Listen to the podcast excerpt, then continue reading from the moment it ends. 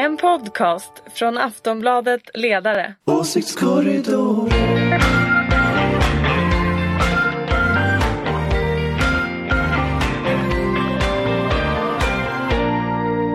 Hej och välkomna till veckans Åsiktskorridoren, en podd från Aftonbladets ledarredaktion.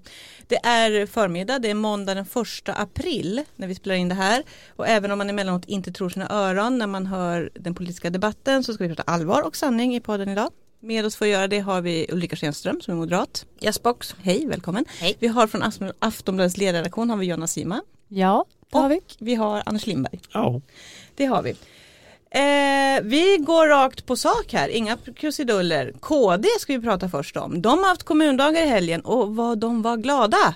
Det var väldigt god stämning tycker jag. Och tror jag det, enligt en initio som Aftonbladet publicerade i torsdags, eller fredags, Fredags. Tors, fredags så hade KD 12,1 procent.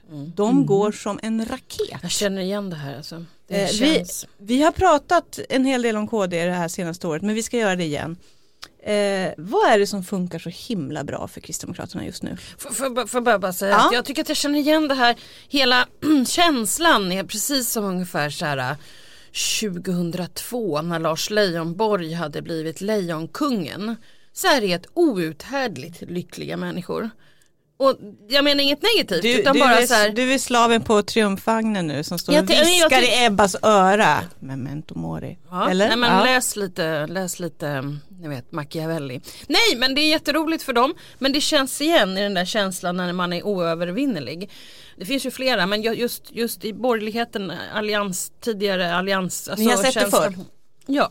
Jag Jag, jag, tänker att man ska inte först läsa Machiavelli, man ska först läsa Sun Tzu, den kinesiske militärstrategen. Du är väldigt inne på Kina just nu. All, Ja, eh, allt, han nej, men han sa precis. att all eh, krigföring är vilseledning. Och jag tror att det där är lite nyckeln här, för att vad KD försöker göra, det är att KD försöker göra om sig till ett parti de inte är. Eh, De försöker driva en högerpopulistisk retorik. säga att Ulrika nickar instämmande håller här. väldigt Jo, men, men, det är väldigt, väldigt Fortsätt. intressant att se för att de, de driver en högerpopulistisk retorik och så samlades alla de här människorna, liksom pingstvännerna och annat i fredags och skulle liksom bära upp den här högerpopulistiska jättehårda retoriken. Och då visar det sig då att de har ju två stora kandidater, eller viktiga kandidater i EU. Det är David Lega från Göteborg och det är Sara Skyttedal från, från Östergötland. Sara Skyttedal ställer ju upp på den här nya linjen, David Lega säger absolut nej till att liksom öppna upp för SD. Så redan där, Säger han verkligen absolut nej? Jag han jag röstade läste- nej till och med. Ja, och sen sa han att han ville ha mer tid sa han. Ja, jag tror att, jag tror att, jag tror Vi ska att återkomma till det här. Ja absolut kanske mm. är fel, han kanske ändrar sig men jag har intervjuat David Lega tidigare och det är liksom en väldigt ideologisk person så jag har svårt att tro att han skulle liksom förflytta sig. Men jag tänker att de försöker liksom låtsas att de är något de inte är och frågan är liksom, hur, hur länge håller det? Men tror du inte det är så snarare att det har tagits över av personer, alltså partiet har tagits över av personer som försöker göra någon slags nytt parti av KD. Alltså jag tänker på Johan Ingerö och Per Gudmundsson och sådana som kommer vara ganska tongivande eh, ja, personer, drivna tänker jag. opinionsbildare kan man ju kalla dem. Absolut, och som Mm. har drivit just sådana här frågor som nu verkar få partiet att lyfta. Ulrika, Nej men alltså jag håller nog med om att ehm, alltså jag, jag tror att traditionella kristdemokrater som har gömt eh, flyktingar och, och eh, vill ha ett eh, högre bistånd och så vidare. De känner sig nog inte helt hemma i det här eh, populistiska spåret. Ehm, och det visade sig också, att så brukar det i och för sig alltid vara att om någon gör en omläggning så är det någon annan som blir förbannad. Det är liksom goes with it. Men Ja, jag tror att det finns många kristdemokrater. ehm, Jag läste hon Henriksson, eh, Emma Henriksson. Emma Henriksson. Eh, Och hon är ju ändå en väldigt traditionell eh, kristdemokrat. Liksom Jakob Forssmed som, som ju också reserverade sig i partistyrelsen. Vice partiledare. Så att, så att man är nog lite splittrade samtidigt som jag ju också vet att när det är framgång i ett parti så knyter sig den eh, minoriteten. Interna- med, ja, ja, Jag, tycker, Ja. jag, alltså jag har varit borta eh, från stan här i en vecka, men vad jag har förstått är att alla verkar ha gjort samma analys av den här KD-helgen. Det är att gladast vinner. Och lite så måste man ju ändå säga att hon har ju, dels är hon Ebba Busch Thor då, hon är ju en, skicklig debattör och med det här goda humöret. Och det är en ganska tacksam Men roll. hon är en av få, om jag får säga, som verkar trivas som politiker. Absolut. Alltså, hon Och- och verkar hon- jättekul på jobbet. Ja, hon älskar debatt bitter och älskar att gå i clinch sådär på ett sätt som ju väldigt många inte gör. Och eh, som Ulf Kristersson också, som jag läste att han men är hennes motsats, han framstår som alltid lite sur och missförstådd och bitter. Och det är inte så kul, det är inte den man vill se kanske som Kanske sin ledare. Så. Ja. Ulrika Eh, viftar lite här. Ja, nej, men, eh, men hon har ju också en tacksam roll som att hon är i opposition.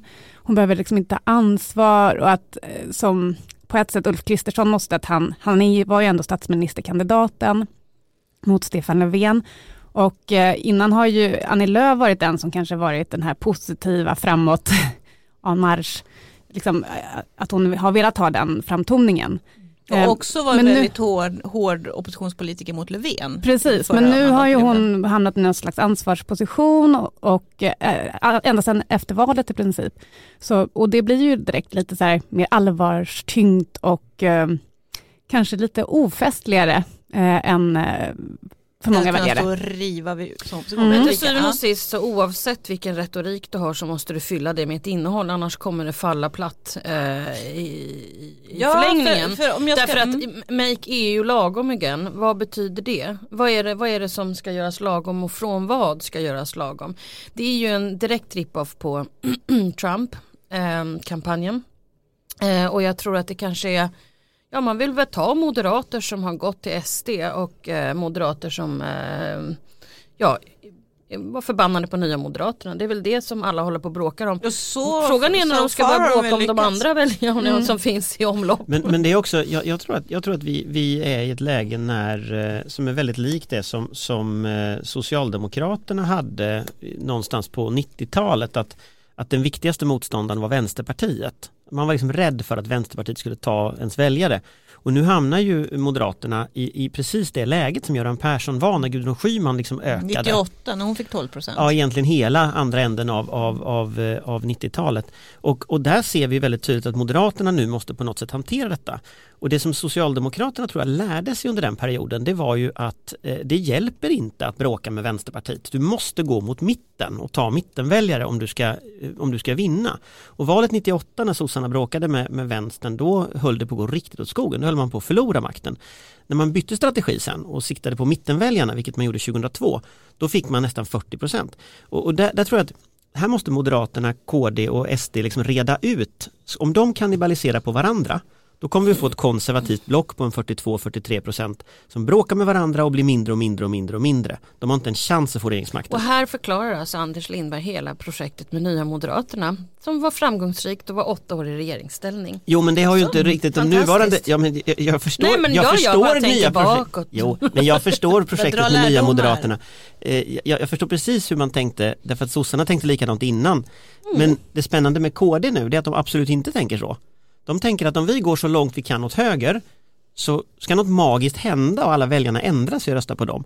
Men sanningen är att svenska val vinns i storstäderna, de vinns i mitten, de vinns i medelklassen. Det är helt riktigt. Vi är Men- helt enade. Det är En sak som jag har tänkt på det är att kritiken från KD mot media har varit att ni har varit så fixerade vid den här nedåtgående eller att, att det har gått dåligt under lång tid för KD. Det var det enda Men ni de ville... pratar ju själva om sin hängmattekurva. Precis, de det var väl under ja, när hon tillträdde och Ja. var föräldraledig och sådär, ganska borta från Ja, debatten. men även längre tillbaka så har det väl sett ut så för KD. Att de, Ja, men, men, ja. men, men just att det har varit media bara fokuserat på det.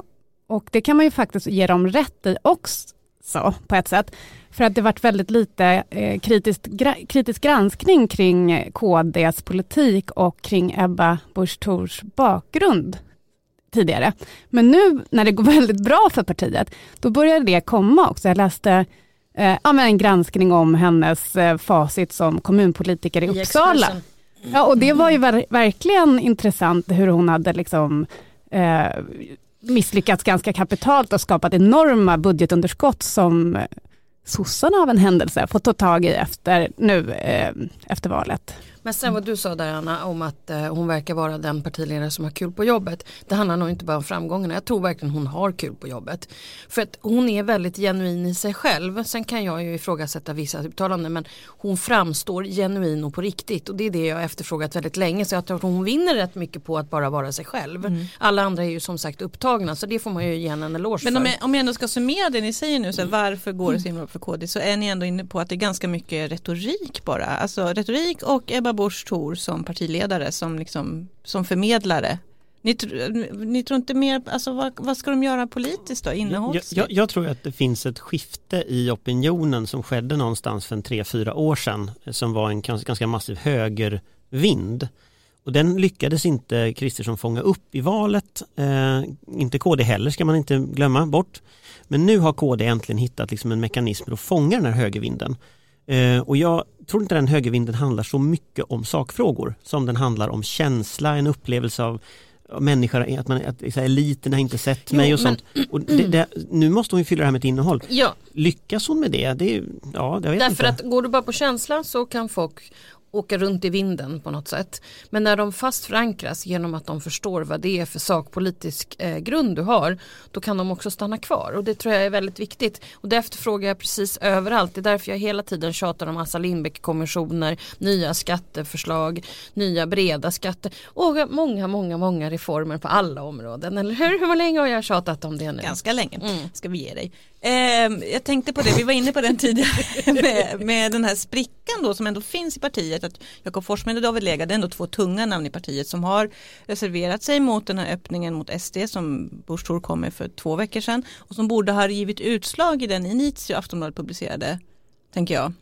Fast jag så tror, att- inte, jag tror inte det gör något längre utan jag tror att Nej, det var lite det som var Nej, min jag- fråga. KD jag tror- verkar inte ha tagit skada av det. Nej, jag tror partierna är sina partiledare. Jag tror det är en skillnad här mellan moderater och socialdemokrater. När de börjar bråka internt, då går de ner. Därför att du förväntar dig på något sätt att det ska kunna regera. Den här typen av så här mera mindre partier, de är väldigt mycket sina partiledare. Jag tror inte, det är väldigt få som kan nämna någon annan vänsterpartisten än Jonas Sjöstedt, ändå finns det jättemånga. Eh, det är väldigt få som kan nämna någon, någon annan i, i L än, än eh, Jan Björklund. Nu kanske det har Det ändrats de då. tror jag det har inte ändrat sig den senaste längre. tiden faktiskt. Ja det är möjligt fast, fast ärligt talat så. Ärligt talat är inte jag säker på det. Och det där gör, och det där gör skojar liksom, lite Anna och jag. Jo men, men jag, jag, jag har ingen humor. Nej det är helt o- Då slår vi fast det i det här avsnittet. Men, men jag, Anders Lindberg har ingen humor. Men det har väl aldrig haft. Ja, men jag, tror, jag måste bara säga att jag tror att också att väljarna har insett att eh, vad som krävs för om det skulle bli en borgerlig regering. Alltså innan valet så ville ju ingen erkänna att det krävdes ett stöd av SD. För att de borgerliga partiledarna förnekade ju det, utan det skulle bli en alliansregering till varje pris. Liksom, och trots att vi De påpekade... mumlar ju lite runt det fortfarande kan jag tycka. Att de Ja men nu har de ju att mumlat mindre om det och Ja. då så ser ju också väljarna mer tydligt att ja, men, men de, de Jag kan... menar att de vill ha stöd av SD men de tror att de ska få det utan eftergifter. På. Ja, men det tycker jag inte att, att de tycker längre eh, från KDs håll, utan de är ju mer att vi är öppna för att förhandla eller för, för att föra diskussioner.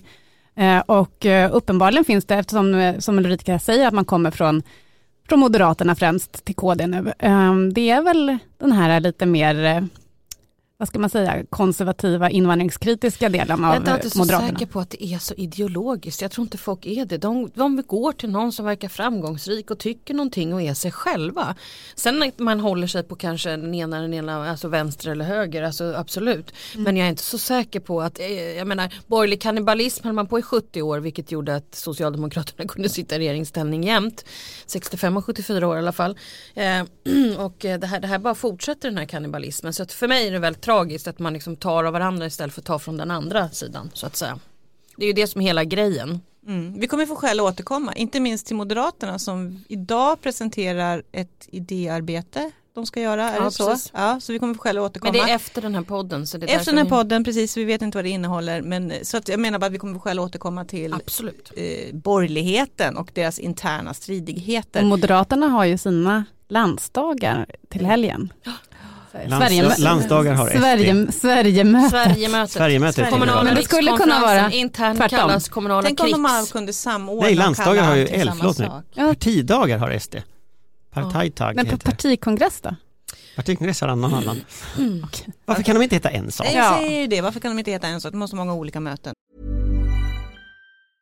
Normally, being a little extra might be a bit much, but not when it comes to healthcare. That's why United Healthcare's Health Protector Guard fixed indemnity insurance plans, underwritten by Golden Rule Insurance Company, supplement your primary plan so you manage out of pocket costs. Learn more at uh1.com. Vi ska gå vidare, vi ska, prata, vi ska fortsätta prata om borgerligheten. Vi ska prata om, förut så var det ju KD som var det ständiga krispartiet, nu är det ju L då som är det ständiga krispartiet. Och nu, det som hände förra veckan i det här partiet var att de två månader före valet presenterade sin toppkandidat till Europaparlamentet. Hon heter Karin Karlsbro. Hade ni koll på henne? Nej. Ja. Ja, Ulrika hade det av förklarliga skäl. Så vi kan återkomma till. Delvis hade jag det. Okej, vad, vad visste du? Jag visste att hon tillhör, eller jag vet att hon tillhör den falang som är eh, mot SD. Eh, hon kommer ju Liberala ungdomsförbundstraditionen.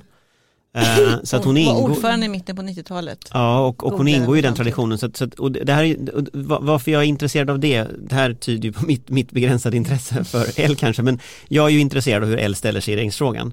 Och då är det ju intressant som jag ser det att en sån som Karin Karlsbro blir kandidaten och inte någon liksom mera batonghård eh, liberal. Eh, därför att det tyder ju på att den falang som i någon mening hade majoritet när man tog januariavtalet fortfarande har en majoritet. Så det är ju det som jag liksom är nyfiken på. Sen, sen är hon säkert en, jätte, hon är säkert en jättebra kandidat. Och det är lite intressant för Cecilia Wikström då som petades Mm. från nummer ett på listan, eller petades helt. Petades Eh, helt, ja, tror jag. precis. Ja. Eh, hon har ju väldigt starkt stöd annars från just den falangen. Ja, och det är intressant att då har det andra gänget som då ville detta, ville ta över, de har då inte lyckats uppenbarligen. Inte Eh, där nej. Inte där i alla Persson och fall. Persson. Eh, och du känner till henne för att hon var stabschef hos Nyamko Sabuni under den första Reinfeldt-regeringen. Googlar jag mig fram till. Så jag förstår att du hade koll Jag har koll på henne. Ja. Och jag hade även koll på att hon var i den eh, Vilken falang? mera vänster-liberal-falangen. Jag förstår. När man kan har man kalla sig vänster i L eller blir det så här negativt? Nej, nej absolut inte. socialliberal brukar man väl heta. Nej men de brukar inte, Ja. jag kanske umgås med väldigt mycket vänsterliberaler. De ryggar inte för det. De Nej inga absolut problem med inte.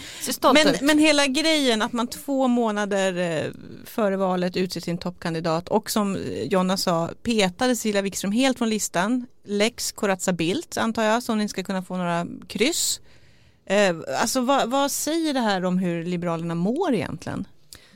Nej, det är nog väldigt, väldigt eh, jobbigt eftersom eh, alla sitter och ringer till media hela tiden och verkar bara göra någonting annat, inte göra någonting annat än att bakgrundssamtala med alla journalister. Så att det är klart att det, det är väl lite krig, men det lägger sig väl också, men det intressanta blir väl vem det blir som partiledare till slut. Ja, för den striden ligger ju och puttrar i bakgrunden hela tiden. Eh, som vanlig som inte kan någonting om partiväsende överhuvudtaget och bara läser tidningar, är det inte lite fördel Lex Sabuni just nu? Eller är det bara vad Ullenhag ska få oss att tro? Nej, jag, jag tror inte att, jag, jag tror fortfarande att det blir Erik Ullenhag. Du tror fortfarande? Och det här okej. handlar verkligen inte om att jag har någon egen vilja här utan jag brukar göra analys utifrån vad jag tror, inte vad jag vill. Nu har vi gått över till partiledarbytet alltså. Ja, Från ja. EU-valet Ja, till, ja just men det, det svänger snabbt. Liberalerna. Vi pratar om Liberalerna. Allt det här är Liberalerna. Ja, ja, ja. Det är så spännande vad som händer där. Men just vad, han ligger och lurar i vassen alltså menar du Ulrika? För att han har ju inte satt... lurar i vassen. Det här sagt är ungefär knyst. precis som inför eh, regeringsförhandlingarna. Då enligt vissa tidningar så var det ju helt självklart att eh, den falang i Liberalerna som tyckte att man kunde få stöd av SD skulle vinna. Den så kallade högljudda falangen. Den högljudda falangen som pratar mycket med media. Men det visade sig att det var ju ganska så jättefel. Så att jag litar inte riktigt på rapporteringen för jag tror att det finns en viss tendens att, att en viss falang kanske låter mer än den andra. Och Ja, det och- kanske finns en anledning till det. Ja och det kände jag just att när Karin Karlsbro blev så tänkte jag så här, det, var, exakt. det, var, det här känns inte helt fel. Och, och jag har ju då en egen vilja till skillnad från Ulrika som gör analyser här. Min vilja är ju att jag vill ju inte att Liberalerna ska fara iväg in i någon slags eh, tävling med KD och M om Finns liksom det ens plats där kan man fråga sig. Dels för, för, för partiets egen skull så kan man ju undra om liksom, är det verkligen smart när det finns en stor mitten där det inte så många är. Men, men sen också, jag tror ju att, att jag tror inte Liberalerna skulle finnas i det läget framöver. Eh, jag tror ju att en, en Nyamko Sabuni som drar iväg in i liksom det här Tandhörde. Ja, i Hörnet. tandhörnet. Det är klart att då blir, då blir plötsligt Centern ensamma om mittenväljarna. Och de är väldigt många, speciellt i storstäder och så i Sverige. Sossarna då?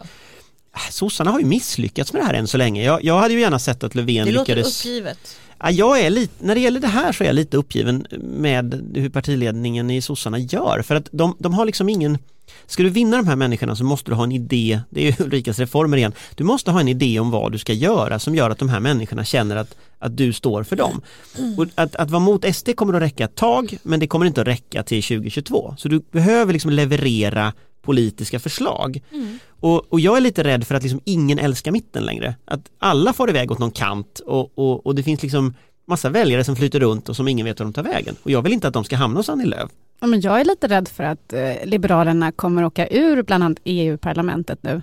För att eh, den här eh, personen som verkar vara en... Karin Karlsbro. Ja, Karin Karlsbro. Hon verkar vara en utmärkt person med ett imponerande CV så när man hör det. Ehm, men hon är ju totalt okänd.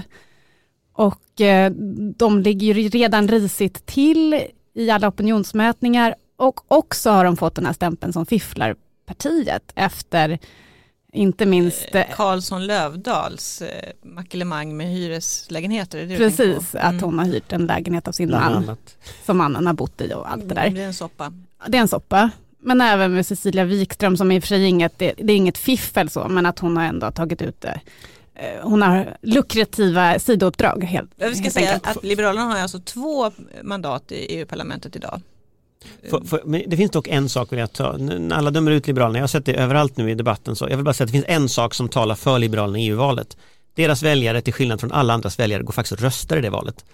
Eh, Och intresserad av E EU. De är intresserade av EU-frågor och, men de går och röstar och det ser man på tidigare vallokalsundersökningar att sossarnas väljare går inte och röstar, SDs väljare går inte och röstar. Eh, och, Och, och, Moderaternas väljare går inte heller och röstar. Nej, Moderaternas stor del går inte och röstar och tittar vi på liksom socioekonomin för hur man röstar då är det liksom storstadsväljare med hög utbildning som är liksom den dominerande delen. Det är precis det som är eh, Liberalernas, liksom målgrupp. USP. Ja, det är Liberalernas USP. Så att, så att även om de ligger på 3% i ett riksdagsval så det kommer att betyda att de kommer in i Europaparlamentet. Tror, men att- är det Ja, jag inte vill bara att, slänga in ja. detta, att, liksom, att ha sina väljare som går och röstar är en jättefördel i ett val med knappt 50% Och jag vill valdeltagande. också slänga in att vi för ett år sedan satt här och, och räknade ut KD ganska hårt i, i riksdagsval. Ja, det var annat. tider det. Det var tider det. Så att saker kan hända, det svänger fort. Eh, det blir ett lite kortare avsnitt idag. Jag tror faktiskt att vi sätter punkt där för idag.